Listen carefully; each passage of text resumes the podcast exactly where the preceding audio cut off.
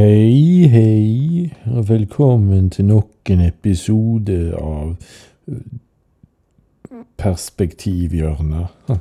Ja, den fløyt ikke helt. Anyways eh, Denne hadde jeg egentlig lyst til å gjøre for noen dager siden, men så bare ble det ikke sånn. Og så gjorde jeg en episode i går, og så gjør jeg den i dag. På dagen ei uke siden kommune- og fylkestingsvalget, og det er jo det som er bakteppet og hele årsaken for det. Men la oss begynne kanskje i personlige kvaliteter, eller ting vi setter pris på, eller kanskje ikke setter pris på. Hvis jeg bare grafse til meg goder, så vil du tenke at jeg er ikke sympatisk. For da handler det bare om at jeg vil få det som jeg vil. Og hvis jeg bruker deg for å få det som jeg vil, så er det jo bare en brikke for min måloppnåelse. Du vil jo selvfølgelig òg ha noe igjen for det, og jeg er interessert i å at din del blir minst mulig, og min blir størst mulig. Det, det er et usympatisk trekk. Så det bør en jo ikke gjøre. Og hvis vi to først har møttes og blitt enige om noe, og så viser det seg at jeg kunne ikke ta den beslutningen på egen hånd fordi det var ikke bare opp til meg. Da vet vel jeg allerede når vi inngår denne avtalen, at ah, shit, nå gjør jeg noe uten ryggdekning. Nå er jeg egentlig uredelig her. Eller uryddige, om du så vil. I alle fall en av de jeg. Jeg er i, alle fall uryddige eller uredelige, eller kanskje begge. Og her foregår egentlig ikke ting i åpenhet, som òg er et viktig prinsipp. Det er ganske Ja, det er ganske usympatisk, men det, det er òg ganske Ja, det er ganske dust gjort. Det betyr ikke at jeg er dust, men det jeg gjør, er ganske dust gjort. Fordi jeg er ikke aleine i dette her. Men jeg har så lite lyst til å gjenta en feil som noen før meg gjorde. Jeg har så lyst til å oppfylle ønsket mitt og de andre sitt, de som står i ryggen min, men som ikke er her nå. At jeg selger det som egentlig er viktigst for de jeg har i ryggen, for at jeg liksom skal på vegne av de si det er viktigere for oss at vi vinner fram, enn at vi får det som er viktigst for oss. Så jeg inngår en avtale med deg uten å vite, og kanskje uten å bry meg om hva du har avklart eller ei. Men i og med at jeg er den som har den tyngste posisjonen, så er det jeg som bør ta dette initiativet, og jeg bør være ryddig her. Så Vi inngår en avtale. Vi skriver under. Men jeg vet at fuck, dette skulle ikke jeg ha gjort. Dette er feil. Men nå ble jeg litt ivrig. Så inni meg så har jeg litt panikk. Shit, fuck, hva gjorde jeg nå? Jeg skulle ha venta, men da kan det være at vi vi ikke blir med når toget går. Så OK. Og så kommer noen andre og sier hei, kan vi òg få være med på dette? Og da kan hun tenke Hm, sa ikke dere at dere ikke ville være med hvis du da skulle være med For hvis du er med, så vil ikke denne tredjeparten her egentlig være med. Hm, var ikke det litt rart? At dere likevel ville. Det er litt uredelig. Når han, og uryddig, når han klart og tydelig har sagt vi ønsker ikke det. De ønsker ikke deg, de ønsker meg. Men i avtalen som du og jeg har signert, så, så får de definitivt deg, og ikke meg. Hmm. Så finner de ut dette her, da, og da blir de sånn Nei, denne tredjeparten, nei, nei. Vi blir ikke med, for det du skal være med. Hmm. De trekker seg. Så viser det seg at jeg må òg trekke meg ut fra avtalen, fordi nå fikk de som jeg signerte den på vegne av, vite at jeg har gjort det. Og de, vet, de har funnet hva som står i denne avtalen, som jeg, uten å avklare noen ting, har inngått med deg. Så sier de det er vi ikke med på. Dette kan vi ikke godta. Ja vel, da må vi trekke oss fra avtalen. Da blir vi litt sånn Ja, hva gjør vi nå, da? Jo, så går vi til deg og to andre venner. Og snakker med dere, og de dere representerer.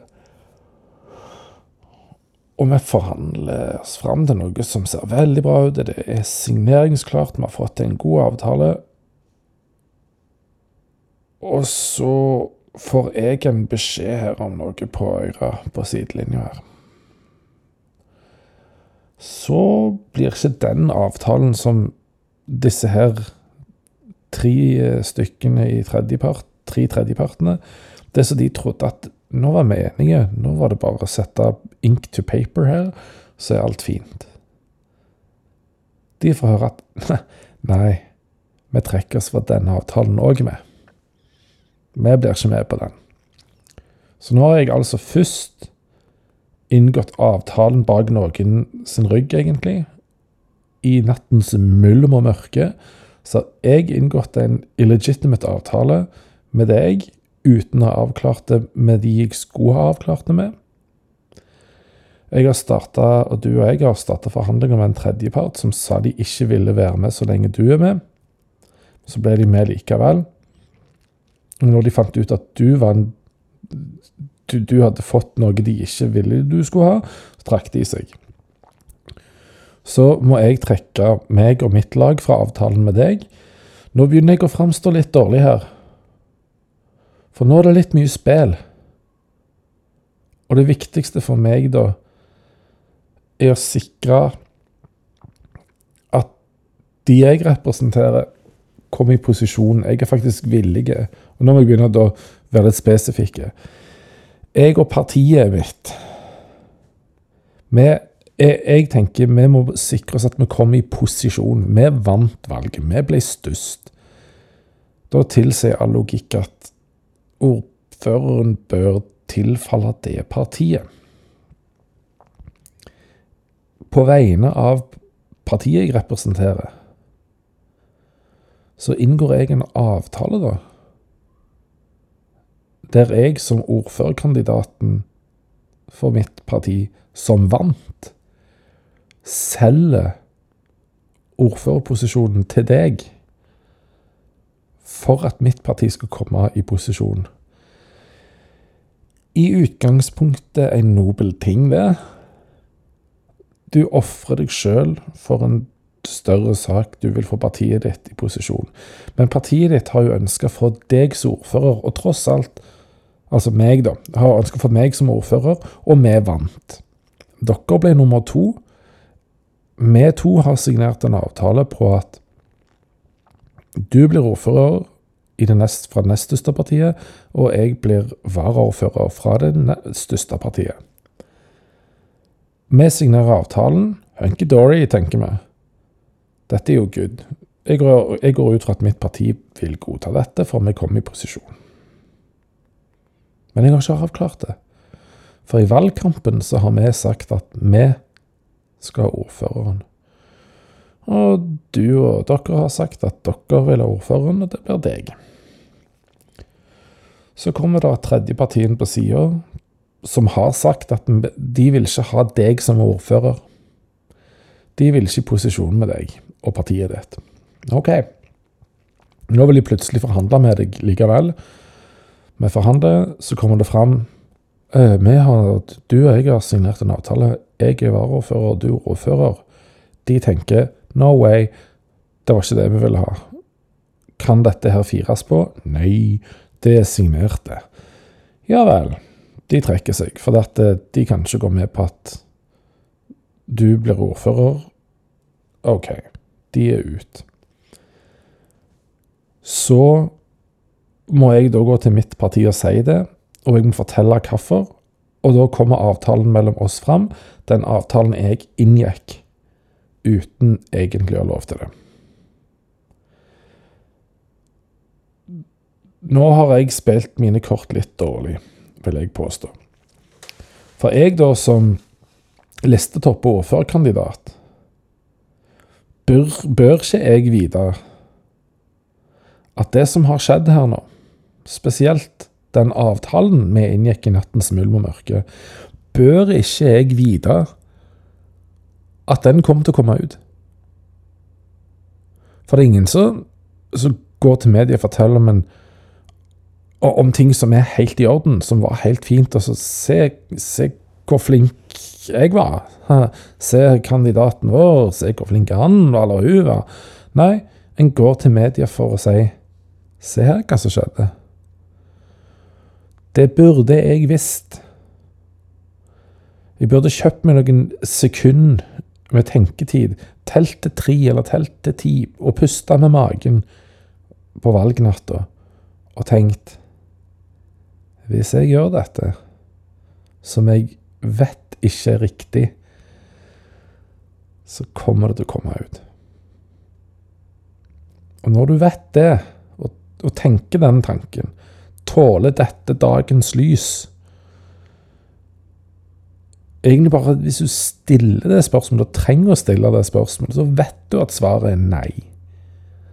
Da burde du ikke gjort det. Men hvorfor gjør du det? Jo, fordi makt.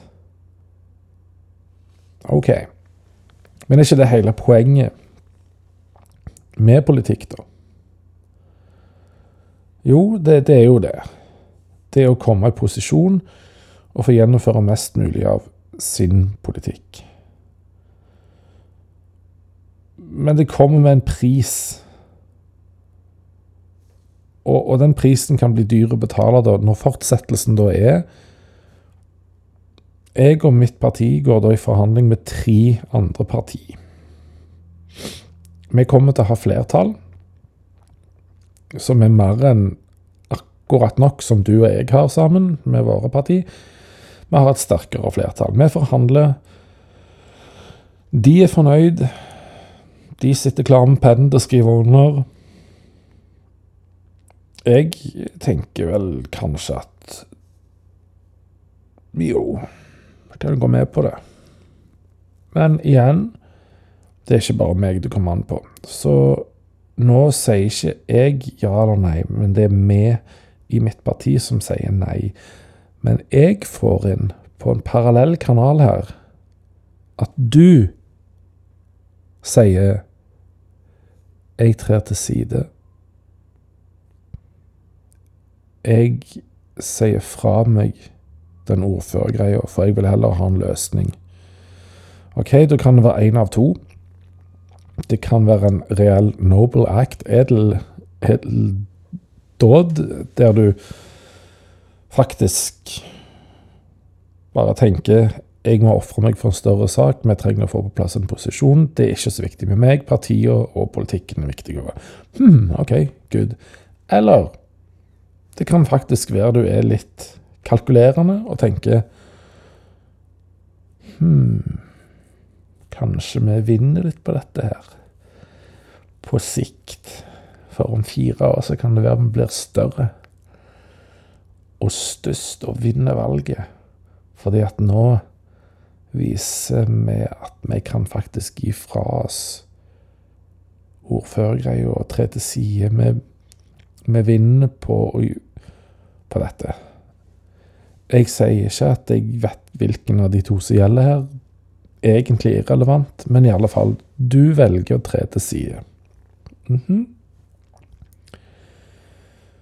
Nå er da avtalen. Jeg blir ordfører. Ditt parti og den som står på nummer to på lista di, altså nummer, nummer én etter deg, da, rykker fram som varaordfører. Og for øvrig fordeler vi alt som vi skal fordele. Vi har én stemmes overvekt i, i kommunestyret. Vi lager en deal. Disse tre forrige jeg satt og forhandla med, de er sjokkerte. Og fra deres perspektiv, forståelig nok Fra folk på gata sitt perspektiv, og veldig forståelig at det der var ikke så sympatisk gjort, var det vel? Jeg kjenner nok sjøl òg på at nei, det var ikke så redelig gjort av meg. Og jeg kan gjerne levere på politikken min, men det kommer en pris. Det kommer med prisen om at jeg har vist noe med meg sjøl. Og jeg er ikke den eneste politikeren som har vist det. For det er mange som har vist det. Ikke bare i den kommunen jeg skal bli ordfører i, men òg andre kommuner i nærheten, og andre kommuner i Norge, og politikere, ikke bare fra mitt parti, men fra andre parti. Da begynner andre folk som ikke er politikere, å lure på hva er det med de som holder med politikk, holder på med politikk? Bør vi, er spørsmålet da, bør vi holde politikere til en høyere moralsk standard? Dette har jeg vært inne på i en tidligere episode. Mitt svar er vel mest ja. Og det handler om Når jeg stemmer på et parti og ei liste med politikere, så er det for å si Til høyere du står her, til mer har jeg lyst til at du skal overta min stemme og snakke for meg og representere meg. Du er nå fordømt forplikta til faktisk å følge et litt høyere moralsk kompass, eller hva pokker. Du, jeg holder iallfall deg til en høyere moralsk standard enn en venn. Fordi jeg har ikke sagt du kan representere meg, og du har ikke sagt deg villig til å gjøre det. Men når du står på ei liste, så har du sagt at jeg er villig til å påta meg å være stemmen til noen. Jeg stemmer på deg. Jeg gir deg min stemme. Så du har sagt deg villig til å være min representant. Jeg gir deg min stemme til å være min representant. Men da må jeg, og da må, må vi alle, holde politikeren til en litt høyere standard. Men når da politikere ikke lever opp til den litt høyere moralske standarden enn det du kan forvente for folk flest, fordi de bare oppfører seg som om de ikke var i politikken, men likevel skal være der, hmm, begynner det da å handle om at jeg skal gi deg min stemme for at du skal vinne, og for at du skal få den best mulige posisjonen. Det er kanskje sånn det oppleves for de som er utenfor politikken, og som er det virkelig store flertallet av innbyggere. Det kan skape en følelse av likegyldighet overfor systemet. Hva kan det skyldes? Jo, det kan skyldes at det skapes politikerforakt. Og forakt kommer jo av, tenker jeg da Hvis jeg forakter en person, så er det fordi de oppfører seg på en lite sympatisk måte. Og de De oppfører seg på en måte som jeg ikke kan stole på. Sjøl hvis det er en vanlig person som gjør det, så kan jeg ikke stole på deg når du oppfører deg sånn. Men du har satt deg i en posisjon der du skal være sånn ombudsperson, og til, du har tillitsverv. Og så gjør du det likevel. Men dette handler ikke om deg. Dette handler jo om politikken. Det handler om retningen vi skulle gå. Retningen du skulle ta politikken og kommunen. For meg og oss som har gitt, oss, gitt deg vår stemme. Det handler om oss. Og det føles ikke sånn. Når vi da leser og får litt innblikk i prosessen rundt hvordan komme i posisjon. Det føles ikke riktig. Samme kan si fra innsida når vi ser i en annen rogalandskommune, der det definitivt største partiet har hatt ordføreren i fire år. De gjør et brakvalg og hadde egentlig avtalen klar. Så blir de dolka i ryggen. For det er det de blei. Det er ikke så sympatisk av noen som skal holdes til høy, en høyere moralsk standard enn bare helt ordinære folk som ikke er i politikken. For det det er høyere forventninger til deg i politikken. Du går ikke og dolker folk i ryggen på den måten. Da er du ikke ryddig, du er ikke redelig, og du driver med et spill i mørket og som ikke tåler dagens lys. Da skal han ikke stå og snakke om politikerforakt, for det er de som skaper forakten. De skal ikke stå som gjør sånn som dette og snakke om at uff, ja, det er feilt med den politikerforakten. Ja, men herregud. Du skyter deg sjøl i begge bein og hodet når du går og dolker folk i ryggen bare for at det er viktig at du får en posisjon. Og da kommer kanskje det viktige med dette her, som vi kanskje bør, eh, bør innse. At politikk handler jo om først en idé om hva samfunnet en vil ha, hva verden en vil ha. Altså Først setter du ideen der fram. Det er akkurat som et selvbilde. Bare at her er det en ideologi, en idé, som du skal til. Og det er, mer, det er en mer komplisert idé enn ditt selvbilde. For det har ikke så, så veldig mange parametere og variabler som det ideen om et samfunn har. Derfor må jo et eh, politisk program inneholde ganske mye informasjon om hvordan en har tenkt å komme der. Og hvordan en har tenkt å komme der, det er jo kan du si, leveregler. Men mellom de daglige levereglene og paradiset du skal til, så er det en retning du må gå. Den kalles prinsipp. Så først sier du her er ideen, vi skal bort der. Da må vi gå denne retningen. Og veien er ca. sånn å gå. Der kommer punktene i programmet. Vi ser knapt på de punktene i programmet. Vi ser kanskje noen få av de. Og det er de som appellerer mest oss sjøl. OK, det er helt greit.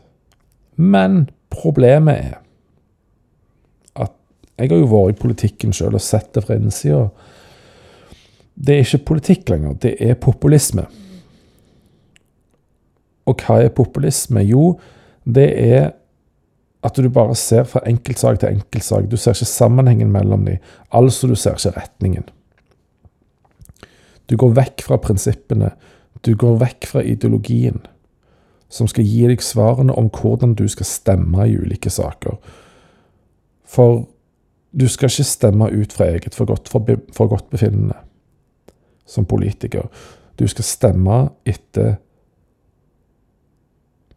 ideen du tross alt har meldt deg inn i partiet som står for. og du skal stemme i tråd med de prinsippene. Hvis ikke så hykler du. For da har du et dobbeltsett med standarder som du stemmer etter. Og da vinner til slutt den som er best for deg. Det var ikke det jeg ga deg min stemme for. Jeg ga deg min stemme for å gå den veien som ideen til ditt parti, og ideen du snakker så fint om, og prinsippene partiet ditt og du snakker så fint om. Jeg ga deg min stemme for at du skulle gå den veien, med, med deg og partiet ditt og politikken og samfunnet. Så gjør du det ikke, for du blir plutselig mer opptatt av at du, og ikke partiet ditt, og ikke politikken og prinsippene og ideen deres, men du skulle komme i en posisjon. Da er det ikke politikk lenger, da er det populisme. For det handler om at du må få stemmer. Du må komme der. Og for å komme der, så må noen like deg. Da er det populisme. Du må være populær. Du må være likende. Du må, du må snu kappen etter vinden og slikke folk opp etter ryggen og si det folk vil høre for at du skal komme i posisjon, og så få gjort det sånn som du vil. Det er ikke redelig, det er ikke ryddig, og det tåler faen ikke dagens lys.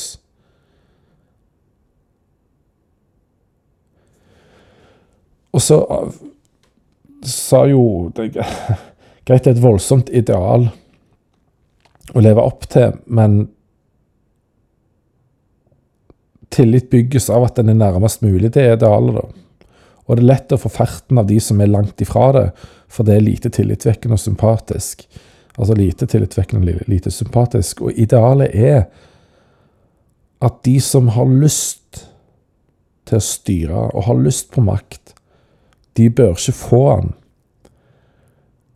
Altså, en, ikke, en politiker skal ikke til topps for egen vinning og for egen måloppnåelse. En skal til topps nesten på tross av det. Folk skal ville ha deg der, enn om du ikke vil. Fordi de har tillit til at du gjør det beste for oss, ikke for deg. Det er dette folk føler de får litt ferten av, da, når de får politikerforakt. Når de ser at det virker ikke som om du vil gjøre dette for oss. Det virker som om du vil til topps for egen vinning og egen måloppnåelse. Trodde ikke det var derfor vi skulle gjøre dette. Nei, så politikerne må skjerpe seg. Eller Det er sikkert feil ord. Nå hører jeg stemmen til ei venninne som bare sier Det er et fælt ord å bruke, skjerpe seg. OK, la meg prøve å omformulere det, da. Politikere må komme inn på et annet spor enn å bare være opptatt av posisjoner. Jeg syns det står ære av Bias, kan du si. Men min gode venn i Sandnes-politikken, listetopp for Venstre, som sa klart og tydelig noen dager før valget i listetoppdebatt i Sandnes, var Aftenbladet som sendte det, på spørsmål om vil dere gå i posisjon med Frp og borgerlig. Så kommer det først et generelt svar som, er, som blir avspist som det er politikersnakk. For det er sånn Hvis du ser på programmene våre, så går det litt forskjellige veier. Det innbyr ikke akkurat til samarbeid. Ja, men gå, vil dere gå inn i posisjon med, med borgerlig Frp? Nei, sier han da. Han har stått ved det det Uansett hvem som gjør det, så står det så respekt av det. For da tar han et valg, han forplikter seg på det. Samme hvor mye gull de vifter med foran øynene på deg, så sier du nei. For jeg vet at på innsida av det gullet, så er det gråstein. Eller dritt. Og vi, vi skal ikke gå der. Vi skal gjøre noe annet. Så nei. Jo, men please, da. Nei. Da står en ved det. Da forstår en at du vil ikke til topps her for enhver pris, for alt har sin pris. Da tok ikke han den prisen. Men da vinner en forhåpentligvis på noe annet, og det er integritet. Det å vise at dette er noe større enn meg. Her er det mer prinsippene det er snakk om. Det er snakk om faktisk politikk fordi det er snakk om prinsipper. Det er snakk om den retningen vi vil gå. Vi kan ikke gå der de vil, for det er feil retning for oss. Vi kan ikke samarbeide med noen som vil gå østover, når vi vil gå vestover. Eller nordover, for den saks skyld. For vi, vi skal ikke gå østover. Vi skal gå nordover. Eller iallfall noe annet enn øst. Vi kan ikke samarbeide med de som går den veien vi ikke vil gå. Det står det respekt av. Og da kan en snakke politikk. Det går fremdeles an å bli enig i politikken og komme fram til gode forlik som dette, og brede forlik og gode kompromiss, der de som sitter med flertallet, tross alt har hovedstyringa på det. Men for å forankre det litt bredere og for å sikre et større flertall, så får de jobbe for det fra sak til sak, heller. I stedet for å si at vi som er i posisjon, vi må stemme 100 i tråd med det vi legger fram, fordi her er det ikke rom for å være uenige, for da taper vi flertallet. Hvis dere, hvis dere Ja, hvis dere er i posisjonen, enhver posisjon, spesielt en litt svak posisjon, er fornuftige, så snakker dere med de partiene som det er mest sannsynlig fra sak til sak at vil samarbeide med dere og gjør de noe i den saken, for da vil de stemme for det. Og da er det kompromisset, det kompromisset, det, det forliket, er viktigere enn hvem som sitter med styringa. Det er viktigere enn hvem som sitter i hva posisjon. For det er politikken som er det tellende. Det er den som gjør folk fornøyd når politikken er god og bredt forankra, for da har flest mulig personer som har gitt sin stemme til de som skal styre på vegne av dem, har blitt hørt. Det er sympatisk. Håper det var mulig å henge med på det. Um, og så tenker jeg òg at dette med sympati og tillit. Sympati du ikke, kan du ikke vinne. Du blir gitt sympati. Du skal ikke få noen sin tillit. Du skal bli vist tillit. Tillit må jo bygges og fortjenes. Og du kan ikke be om noen sin tillit. Du må bare bruke masse tid og faktisk vise offervilje og ansvarlighet og ydmykhet for å bli vist tillit over tid. Og så går det langt raskere å miste den tilliten enn å bygge den opp. Og de samme prinsippene følger jo sympati. For at du skal bli gitt sympati, så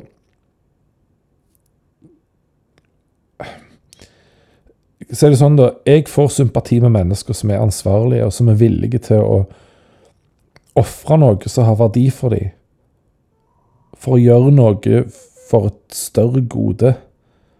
Og jeg får sympati med de som viser ydmykhet for forventningene, og tilliten som blir vist til dem.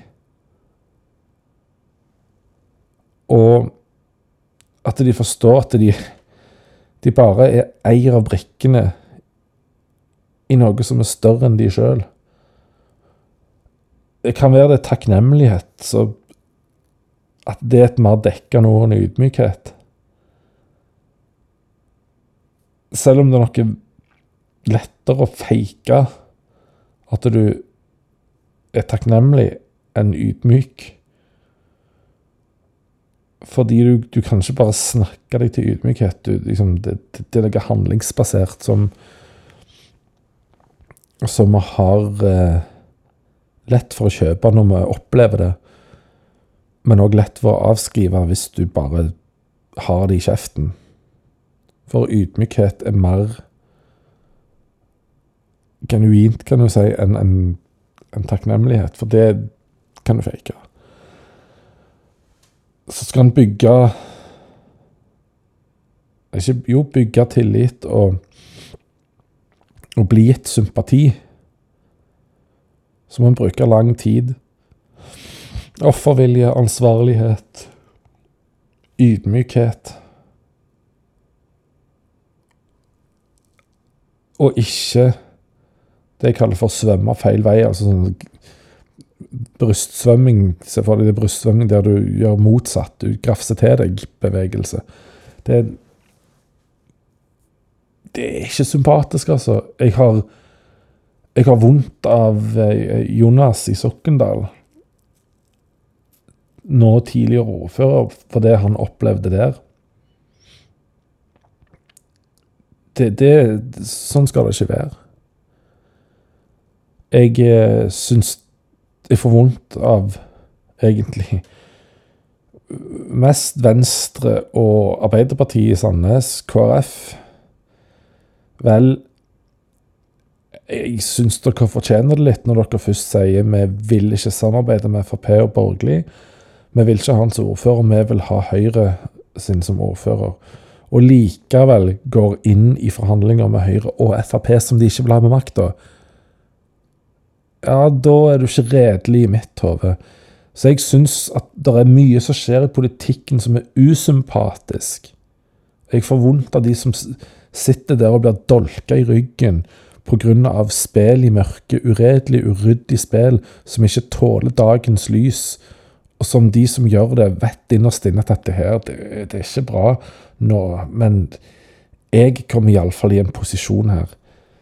Nei, det, For det er sånn det framstår, samme hvor mye en sier at nei, men det er, det er sakene vi kjemper for, det er det som er det viktige. Ja, jeg kjøper det ikke.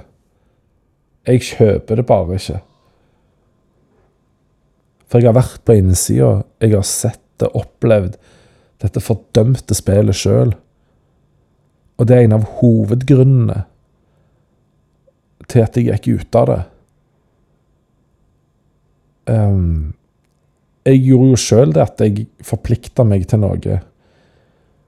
Idet jeg ble nominert til andreplass på lista til Venstre i Sandnes i 2015, på nominasjonsmøtet, så hadde det vært kjent lenge, men da sa jeg det sånn at de frammøtte der som Det var gjerne ikke hadde sett meg før og hørt meg si det. Da ga jeg beskjed.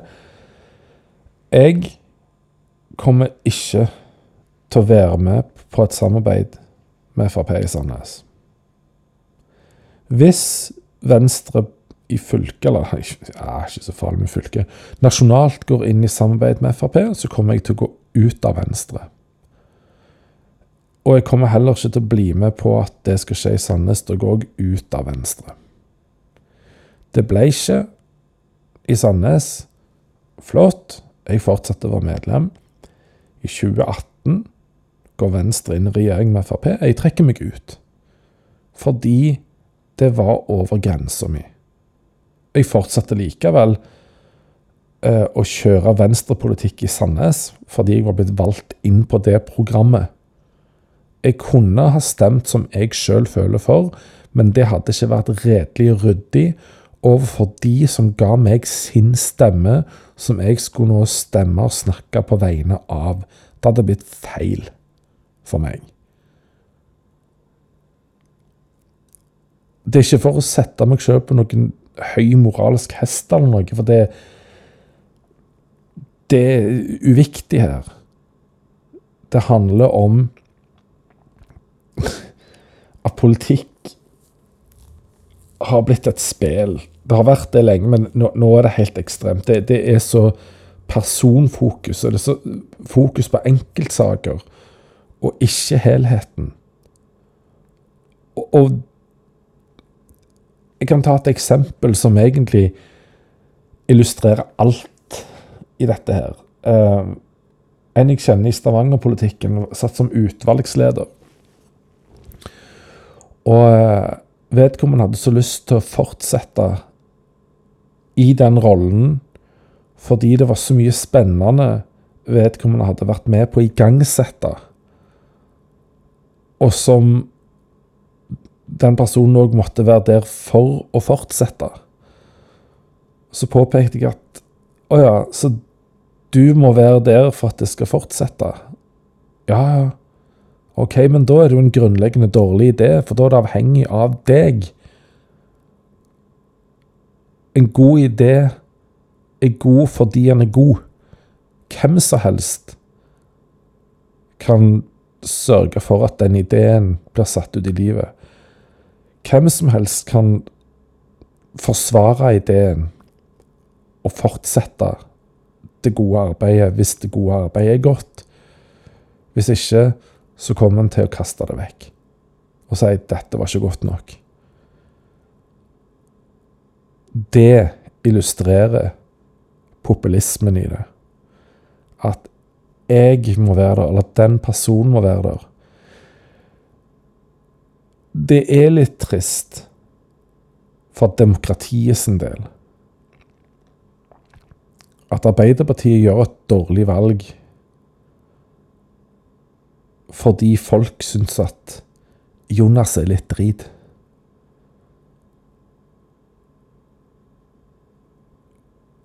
Men sånn er det i, i demokratiet. Uh, for å dra en forlengelse av det, da. Um, La oss leke med tanken at vi skal utvide demokratiet til at også 16-åringer har stemmerett. Ai, ai, ai, ai, ai, sier noen da. Det må vi ikke finne på. For de har jo ikke peiling. Nei, Nei for det har jo mann 50 eh, som stemmer på partiet der kona er medlem, og det er grunnen. Eller eh, kvinne 22 stemmer på Arbeiderpartiet fordi de har så fine roser som de deler ut. Eller Høyre fordi de har det beste snopet. Altså, folk kan stemme på et parti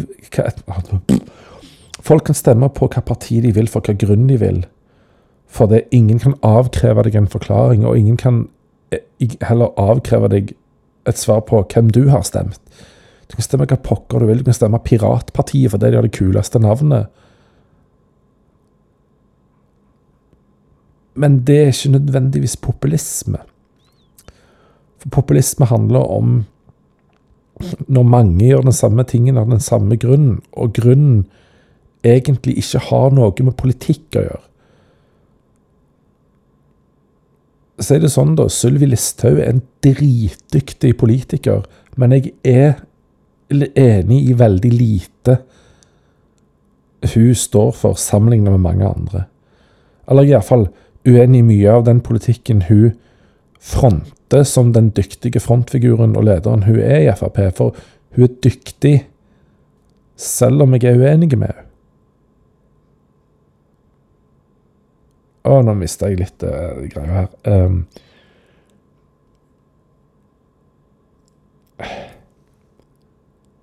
jeg skal ikke stemme på hun for det om.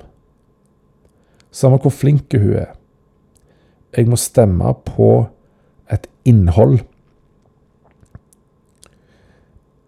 Jeg velger de partiene jeg gjør, for det er det de som vil gå den retningen jeg vil gå. Så mitt råd er, hvis du skal løsrive deg litt fra populisme og litt fra enkeltsaker og, og den forrige episoden med Ane Dahl Torp og kjedsomhet og kompetanse og de Hvis du skal òg løsrive deg fra at du skal treffe på en fasit, snu det. Sett opp den lista med ting som du syns er viktige, og få partiene til å svare på den, for da kommer du til å stemme for den retningen du vil gå, og du finner ut hvem som vil gå den retningen for deg. For den retningen du vil gå, er riktig for deg, og da er han det. Og innholdet til det partiet du stemmer, er like god selv om den som fronter partiet, er en dildo. Eller et rødhold, da. politikken, prinsippene og idealet er like godt. Og det kan faktisk være det blir skjøtta like bra, selv om du syns at den personen som styrer de, er usympatisk. Hvis innholdet i Arbeiderpartiets politikk er den beste, så stem på de, selv om du syns at Jonas er, han snakker på en måte som er litt vanskelig å begripe, for det er litt svevende for deg. OK, men er innholdet og retningen de vil gå, bra? Liker du det? Og så kan du tenke, da, etterpå, når du ser hva de får til og ikke får til, så må du tenke Fortjener de å få min stemme en gang til? Syns jeg de forvalter eh, ombudsrollen på en god måte? Syns jeg de snakka for meg på en god måte? Nei, jeg syns de var passive. Jeg eh, syns ikke de stemte i tråd med det de skulle. I den grad du vet hva en stemmer, da. Politisk regnskap skulle du gjerne ha sett, for å se hvordan har de stemt i de ulike sakene det siste kalenderåret.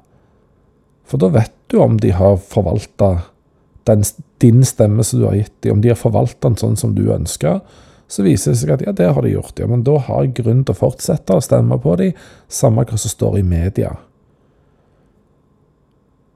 Men du har lov til å, å huske hva som skjedde den siste uka nå, om fire år, når du skal stemme ved kommunevalget. Det er fort gjort å glemme, men husk det som skjedde, og tenk Syns jeg at de folka der fortjener min stemme?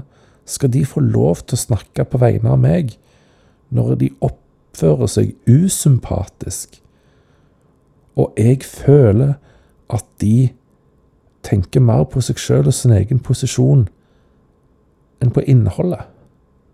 For kjære politikere som kniver om posisjoner, det er sånn det ses på fra utsida for veldig mange. Og du bør vite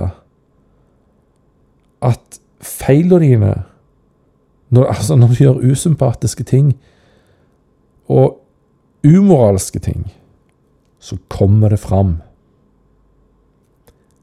Sindre Finnes, aksjehandel. Just saying. Det kommer fram. Avtalen mellom Høyre og Frp i Sandnes valgnatta det kommer fram. Det du gjorde noe som ikke holder det moralske nivået det skal for folk i en ombudstillitsposisjon. Kjære politiker, hvis Hvis du hører det, hvis det er en politiker som hører på her Hvis du har vært i en sånn situasjon og gjort noe sånt, ikke gjør det igjen, da. Be om unnskyldning en ektefølt unnskyldning, og vis over tid nå at det, det var et karakterbrudd. For et karakterbrudd er en glipp fra det som vanligvis er den moralske standarden din.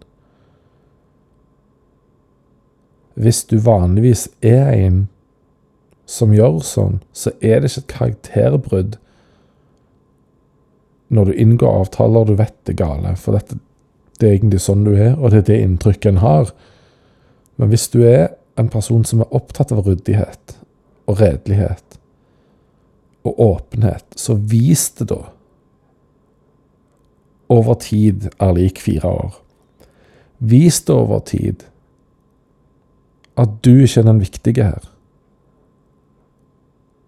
At det er faktisk retningen og idealet som er det viktige, og at tilliten og sympatien er det viktige. Altså gjør sympatiske ting, da. Oppfør deg på en sympatisk måte. Det er det viktige over tid. Fordi Uff. Jeg, jeg forstår Jeg forstår de godt som ikke stemmer. Men det er dumt, da, med den her forakten og den foraktlige eh, oppførselen sånn det blir opplevd som. Fordi det på sikt vil undergrave demokratiet, det vil undergrave politikken. Fordi det er populisme. Ja, jeg er litt frustrert over det. Men, men ja, jeg har opplevd den der eh, persongreia og dolkinga og spillet fra innsida. It's not pretty, men heldigvis så er det ikke alle på innsida som er sånn. Men det er bare så dumt at noen få ødelegger for de mange som er redelige, men det er aldri de redelige som står fremst. Ref. Platon, for det var jo de som burde vært framme. Det var de som burde styrte, de vi bør stemme fram. Men de som får makta, er de som ønsker å ha den. Pass på de. Og gå etter de i sømmene.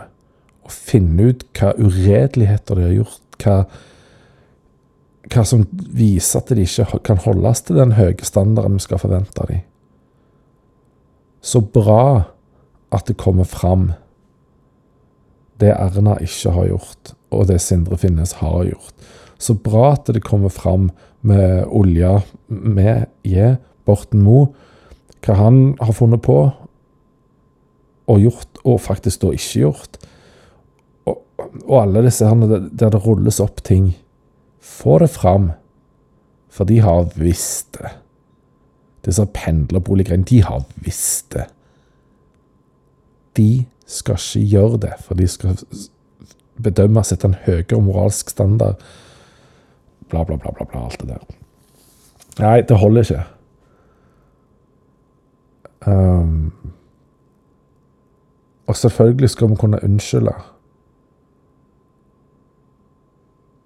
Men det, som jeg har sagt i en tidligere episode, det å unnskylde betyr Ja da, jeg skal ta for deg skylda denne gangen, mot at du ikke gjøre dette igjen, for nå vet du det er galt å gjøre. Nå fikk du en lærepenge. Jeg tilgir deg, jeg legger skylda til deg, for det er, liksom, det er, du som har den, men denne gangen skal du slippe å få skylda. Gjør du det en gang til, så tilgir deg, altså gir skylda til deg, for da skal du få den. Da har du ikke lært. Da får du ikke tilliten min igjen. Eller du må bruke ekstremt lang tid på å bygge den opp igjen. Det blir et langt lerret å bleke. Lykke til. Gjør det i så fall med de, med politikerne. Og følg med på de. Vær forsiktig med de som ønsker makt. Og um, se etter de som tør å steite en retning de vil gå. Og De som tør å forplikte seg på den, og de som tør å si nei til noen. For det er redelig, det. Nei, vi kan ikke gå der. Det blir feil for oss. Vi skal gå denne veien. For det er ikke alltid om å gjøre å si hvem du vil samarbeide med, men faktisk også hvem du ikke vil samarbeide med. Det er vel så viktig noen ganger. For uh, det er viktig å trekke opp grenser. Ja, jeg kunne holdt på mye lenger. Nå er det snau time, drøyt 50 minutter det får holde. Ha en fin dag, kveld, uke. Takk for meg. Gå ikke med Gud eller dug, gå med tillit, sympati, ansvarlighet og ydmykhet. Og vite at du bare er ei brikke av utallige. Og vær ydmyk for de forventninger og den tilliten de forventningene som er til deg, og de, den tilliten du blir vist. Shalom. Gå med fred. Ha en fin dag, kveld, morgen Whatever. Tudelu!